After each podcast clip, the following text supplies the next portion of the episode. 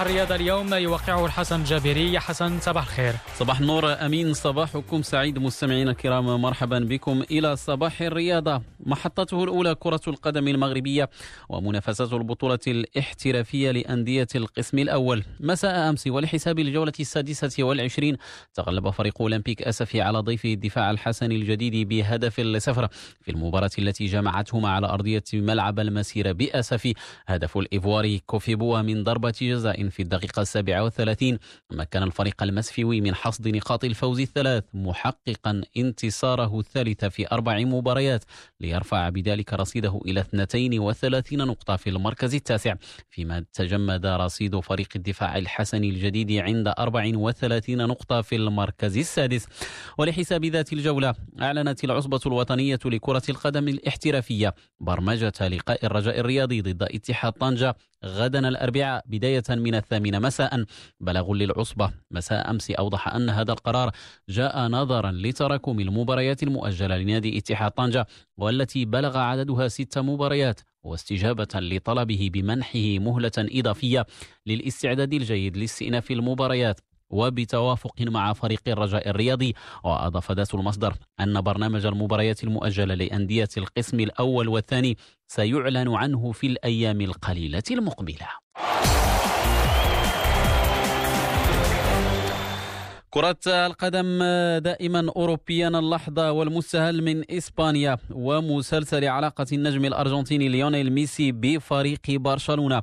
مسلسل شد وجذب بين الطرفين تتواصل فصوله كل يوم. آخرها غياب النجم الأرجنتيني أمس عن الحصة التدريبية الأولى للفريق الكتالاني بقيادة المدرب رونالد كومان تأهبا لانطلاق الموسم الجديد لينضاف ذلك إلى تغيب اللاعب عن فحوصات الكشف عن فيروس كورونا التي أجرى أجراها لاعبو الفريق أول أمس الأحد. خطوات تؤكد إصرار ميسي على مغادرة البارسا في ظل تشبث كل طرف بموقفه. ففي وقت يعتبر اللاعب ومحاموه أن مشاركته في التدريبات مع برشلونة.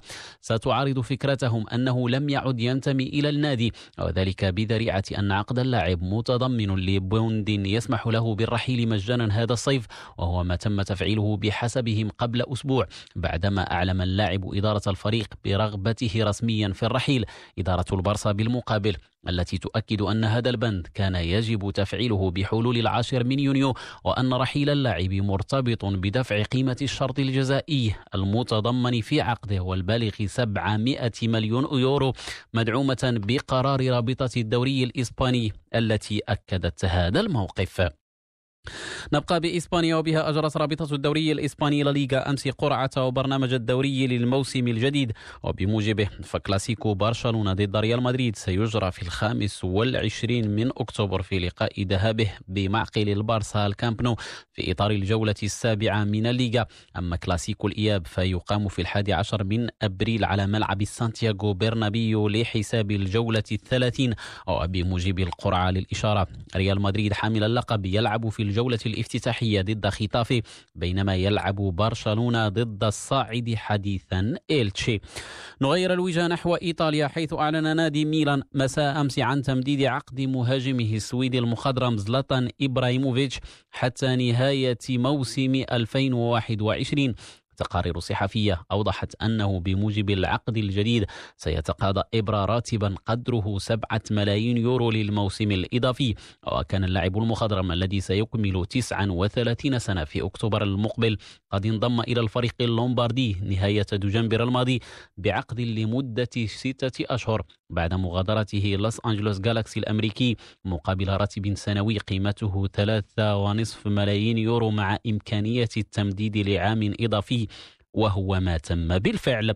وبإيطاليا دائما كشف الاتحاد الإيطالي لكرة القدم أمس أن الموسم الكروي الجديد للكالتشيو سينطلق في التاسع عشر من شتنبر الحالي وكان فريق يوفنتوس للإشارة قد توج بلقب الموسم المنقضي فيما أحرز فريق نابولي كأس إيطاليا. إلى ملاعب كرة المضرب اللحظة وبطولة فلاشينغ ميداوز إحدى البطولات الأربع الكبرى. أول بطولة جراند سلام خلال أزمة فيروس كورونا التي انطلقت أمس في نيويورك خلف أبواب موصدة اليوم الافتتاحي لم يشهد نتائج مفاجئة. ففي منافسات الرجال.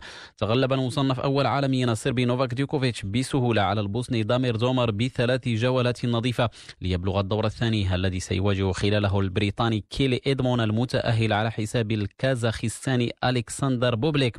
تأهل أيضا إلى الدور الثاني كل من اليوناني ستيفانوس تسيتسيباس والألماني ألكسندر زفيريف. أما لدى السيدات الياباني ناومي أوساكا أو اليابانية ناومي أوساكا تغلبت على مواطنتها ميساكي دوي بجولتين لواحدة وتأهلت إلى الدور. الثاني نختم بسباق الدراجات وطواف, وطواف فرنسا الدولي تور دو فرانس حيث فاز الأسترالي كاليب إيوان بالمرحلة الثالثة من الطواف التي ربطت أمس بين نيس وسيسترون وامتدت على مسافة 198 كيلومتر. الدراج الأسترالي تغلب بفضل السرعة النهائية في الأمطار الأخيرة من خط الوصول على الإيرلندي سام بينيت هذا وحافظ الفرنسي جوليان ألافيليب على القميص الأصفر متصدرا للترتيب العام للطواف.